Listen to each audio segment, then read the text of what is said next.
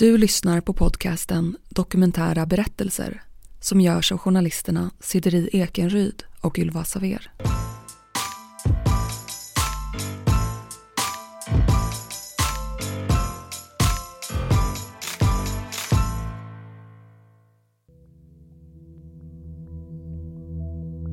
Så vi gick in i hissen och Sebbe, han blev ganska upphetsad där. Så han,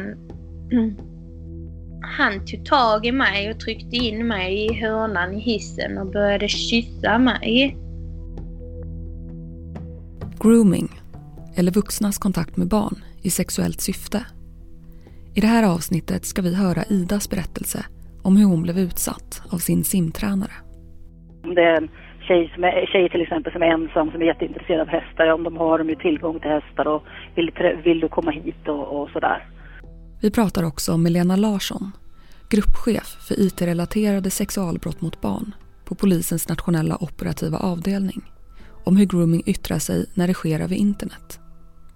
Och ja, likväl behöver du prata. De tycker livet är skit och liksom skolan är jättejobbig och sådär. Och ja, behöver du prata, jag kan, jag, jag, du hör av dig till mig, jag lyssnar gärna och sådär.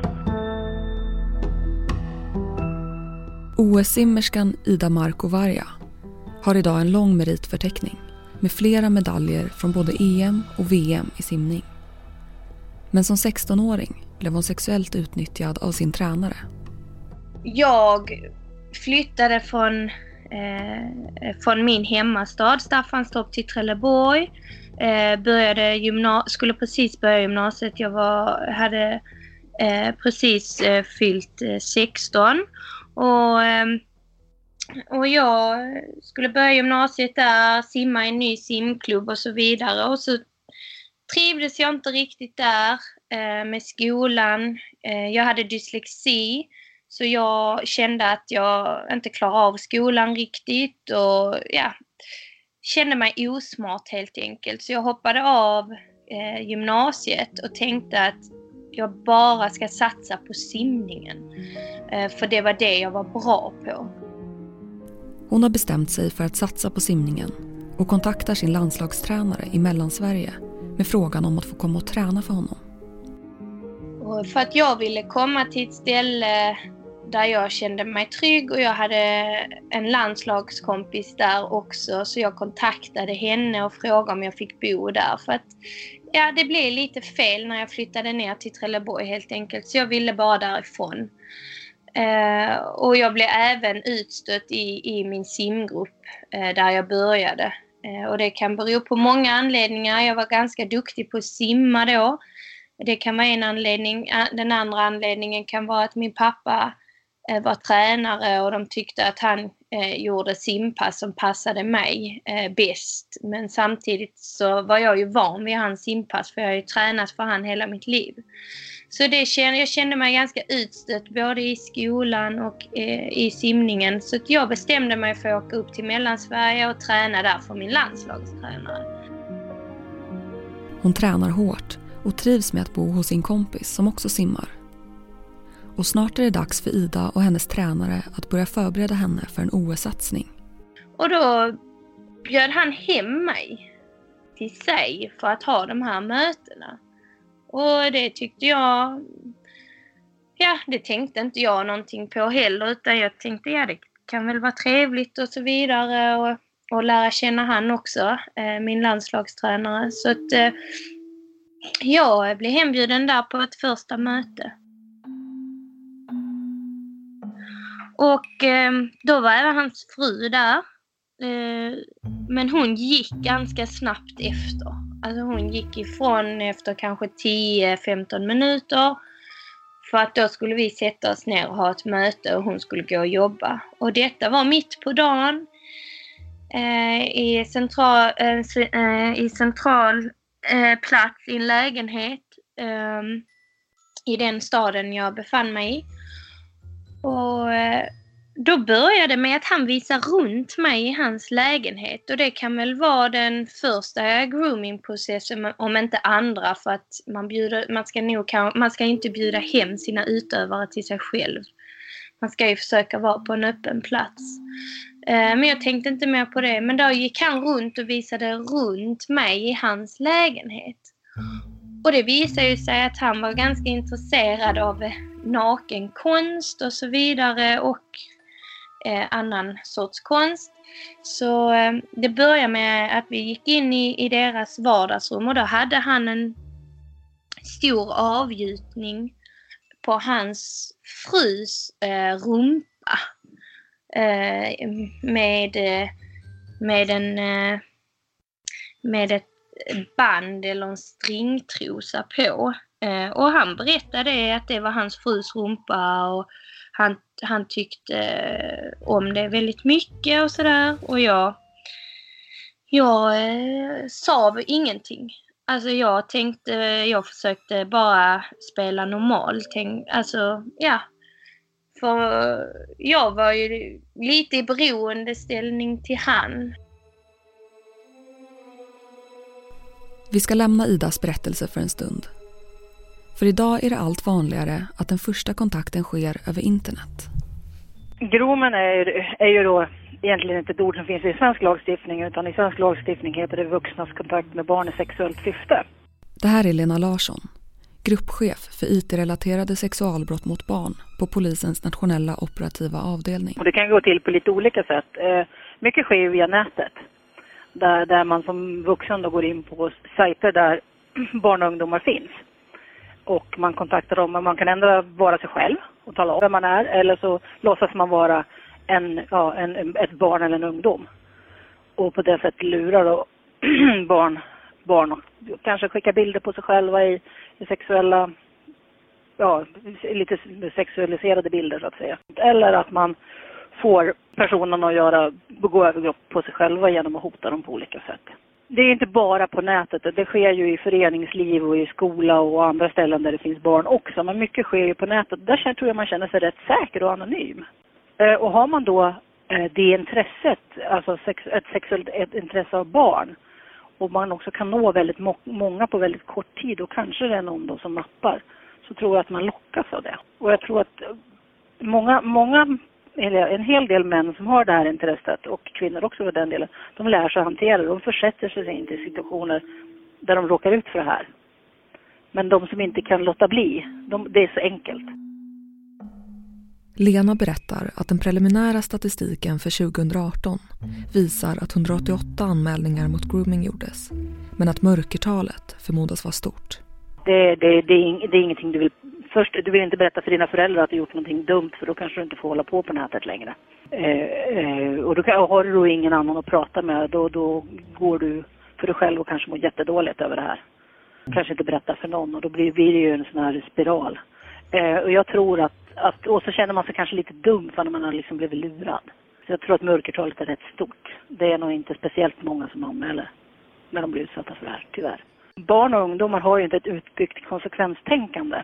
Så om man till exempel skickar en rätt oskyldig bild egentligen, till exempel till någon som, som då frågar om man kan skicka en bild, kanske bara man ser att man har bh på sig och har tagit en sån bild. Och den är inte så farlig egentligen, för det är ju vad du visar på en badstrand.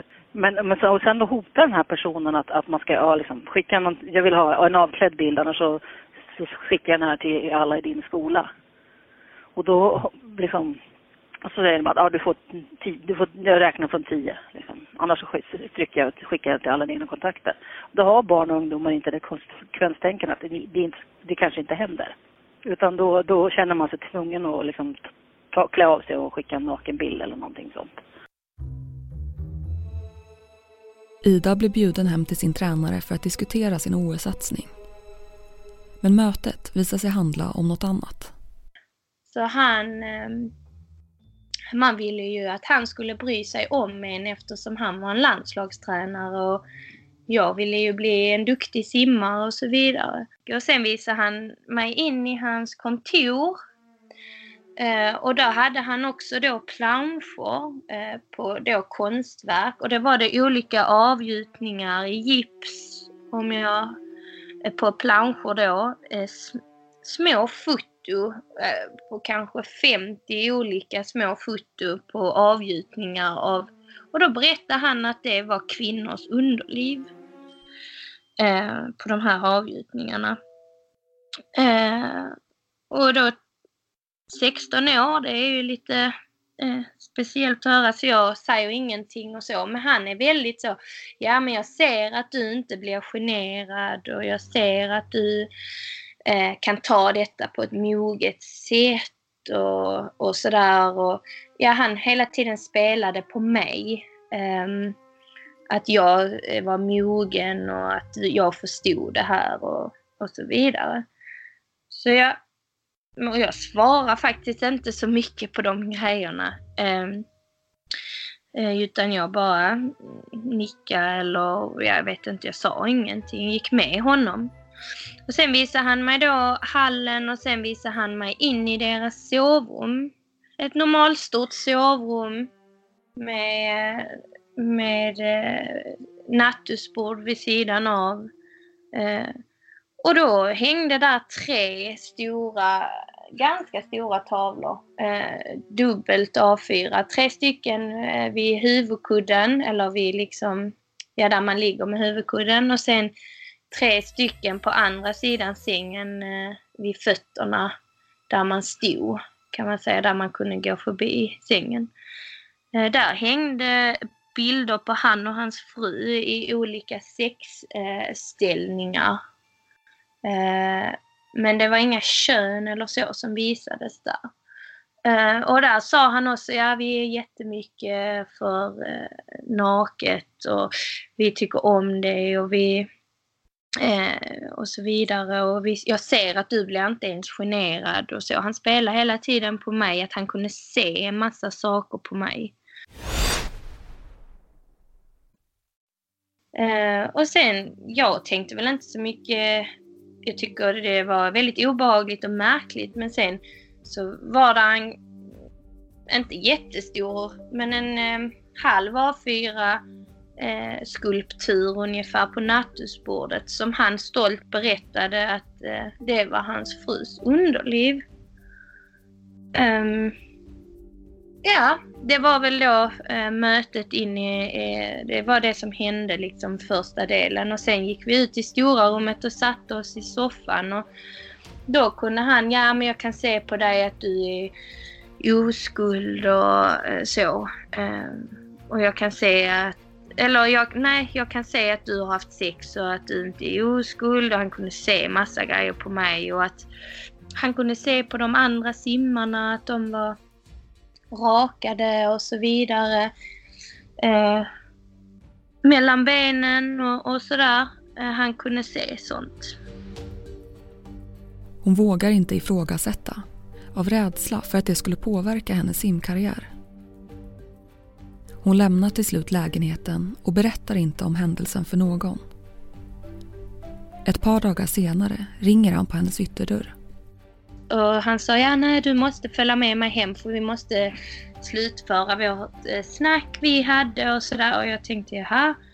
Och den familjen tyck, verkar också tycka att det var lite konstigt. Men ja, då tänkte jag, ja då fortsätter vi att prata OS-satsningen. Så jag jag gick med han ut och jag satte mig i bilen.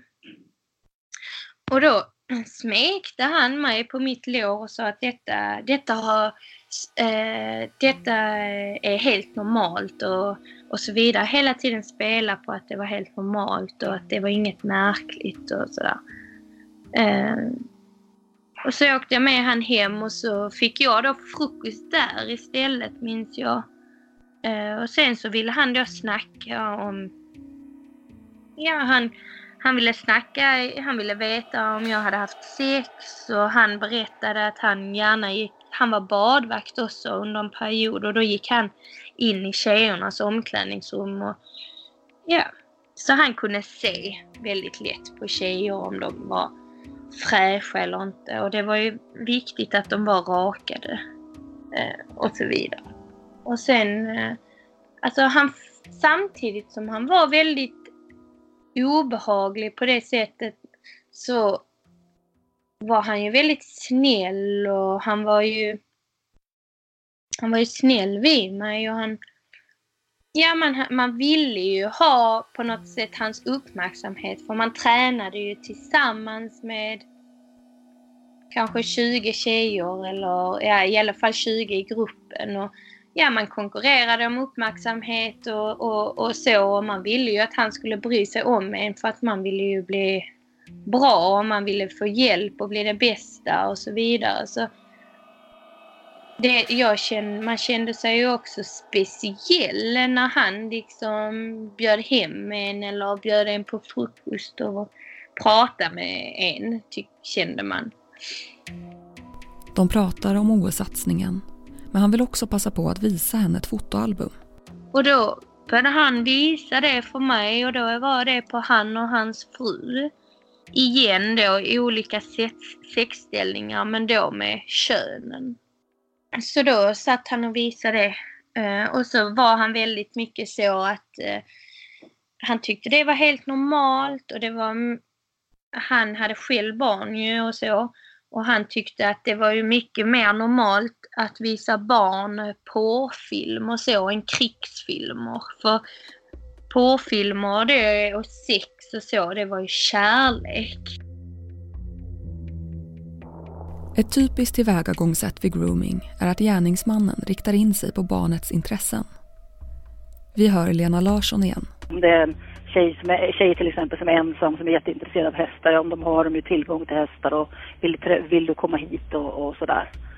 Och ja, likväl behöver du prata. De tycker livet är skit och liksom skolan är jättejobbig och sådär. Och ja, behöver du prata, jag kan, jag, jag, du hör av dig till mig, jag lyssnar gärna och sådär. Barn och ungdomar är rätt källkritiska idag men, men ibland så tänker man kanske inte hela vägen. Men äh, om, om man blir kontaktad av någon uh, Många av de som blir kontaktade när det, när det så att säga blir grooming, det är ju folk som redan sedan tidigare är utsatta på något sätt. Man kanske har dåligt självförtroende eller man har, kanske är mobbad i skolan eller man kanske utfryst eller någonting sånt och det gör ju att man blir lättare offer så att säga. Men många ungdomar idag genomskådar faktiskt de som försöker, ja, så att säga groma dem. Och när de och säger till dem att liksom äh, försvinna härifrån är pedofil och så. Eh, men de som, de som har, de som är lite lättare och de som vill bli sedda och vill ha uppmärksamhet, de är det också lättare för, för de här personerna som, ja, de, de som vill ha kontakt med barn i sexuellt syfte, det är mycket lättare för dem att få kontakt med dem. Men om det är någon som börjar dra sig undan och mår jättedåligt och inte vill gå till skolan för att man har ont i magen och allt möjligt, då har det förmodligen hänt någonting och då kan man i alla fall ställa frågor, frågor om det. Ehm, jag vet att vi hade något ärende för något år sedan där, det var, eh, där vi då kom hem till en familj där det här hade hänt. Och då hade man varit på sjukhus med, med den här, det var en tjej och då var man varit på sjukhus med henne och allting sånt där. Man trodde hon var jättedålig. Men det visade sig att det var det här som hade hänt. Och när vi, när då polisen kom dit och pratade med henne och berättade att vi har sett att det här har hänt.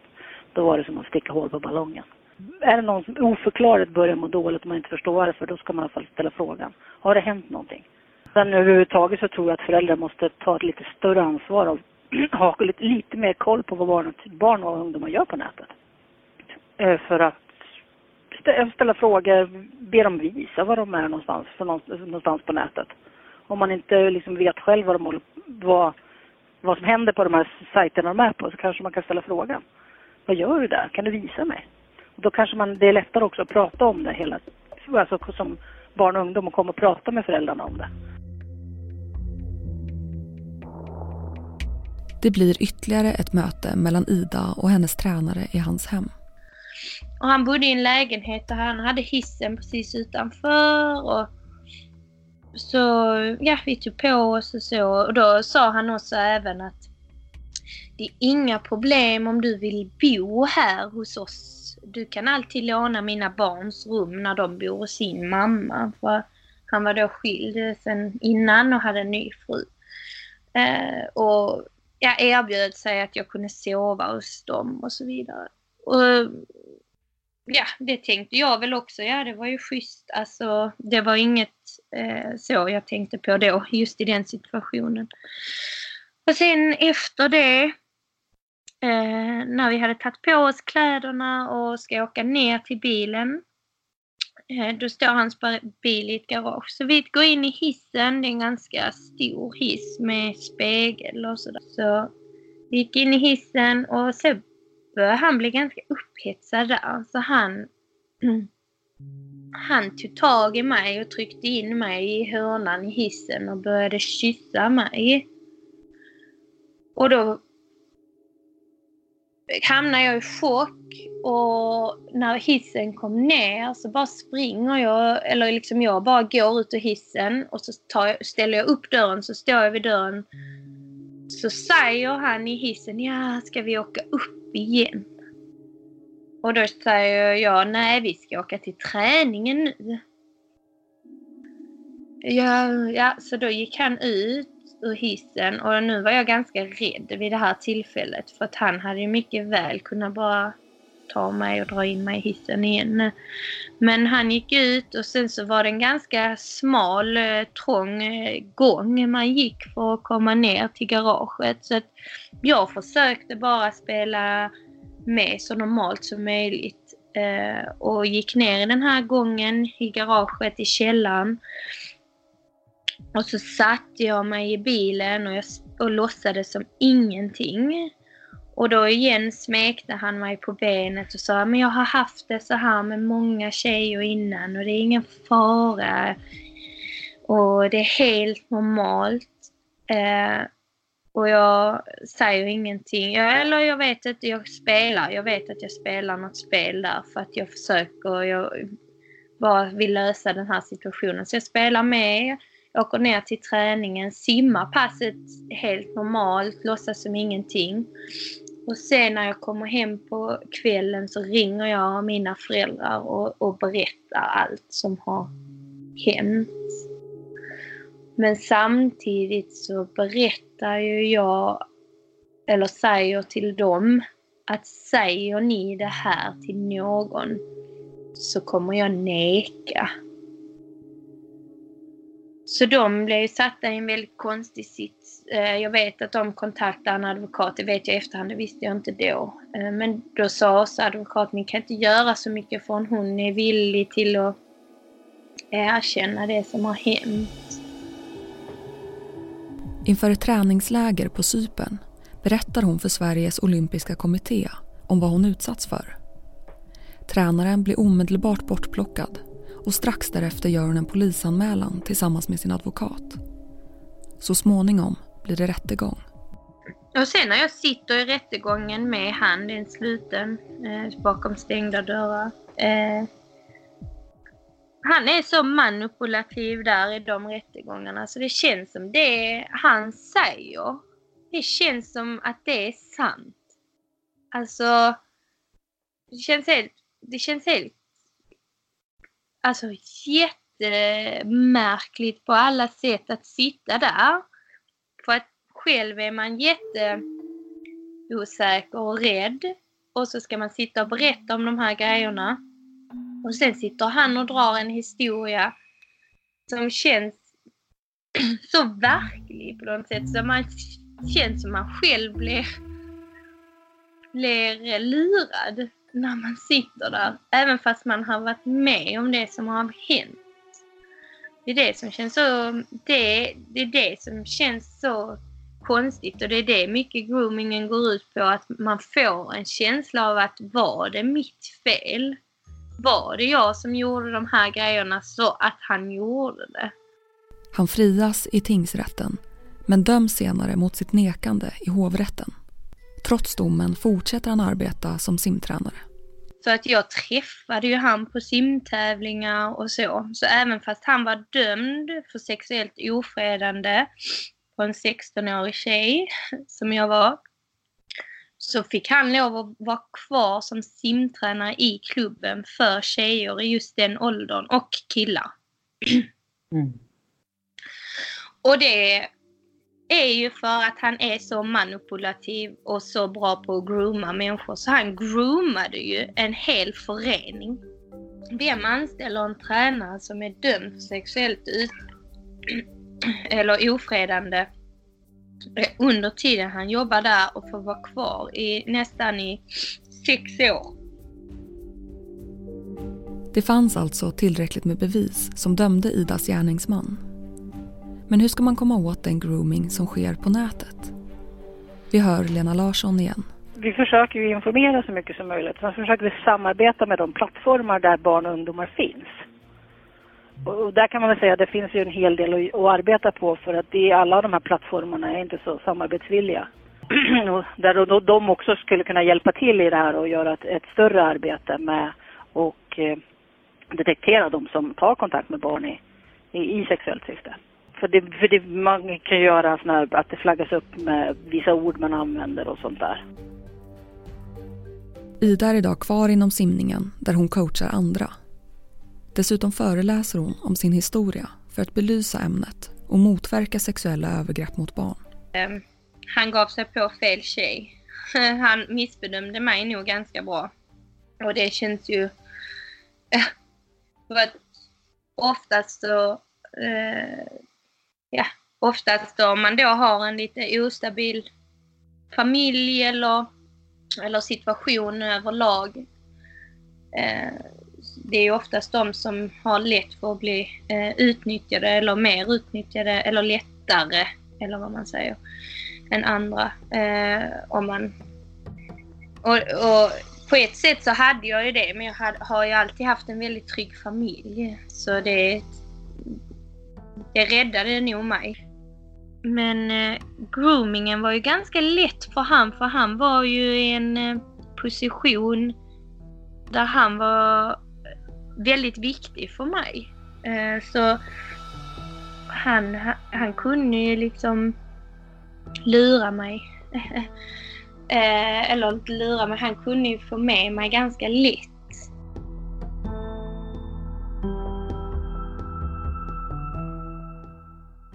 Du har lyssnat på avsnittet om grooming. Vill du dela med dig av din historia? Kontakta oss på kunskapsstudion gmail.com.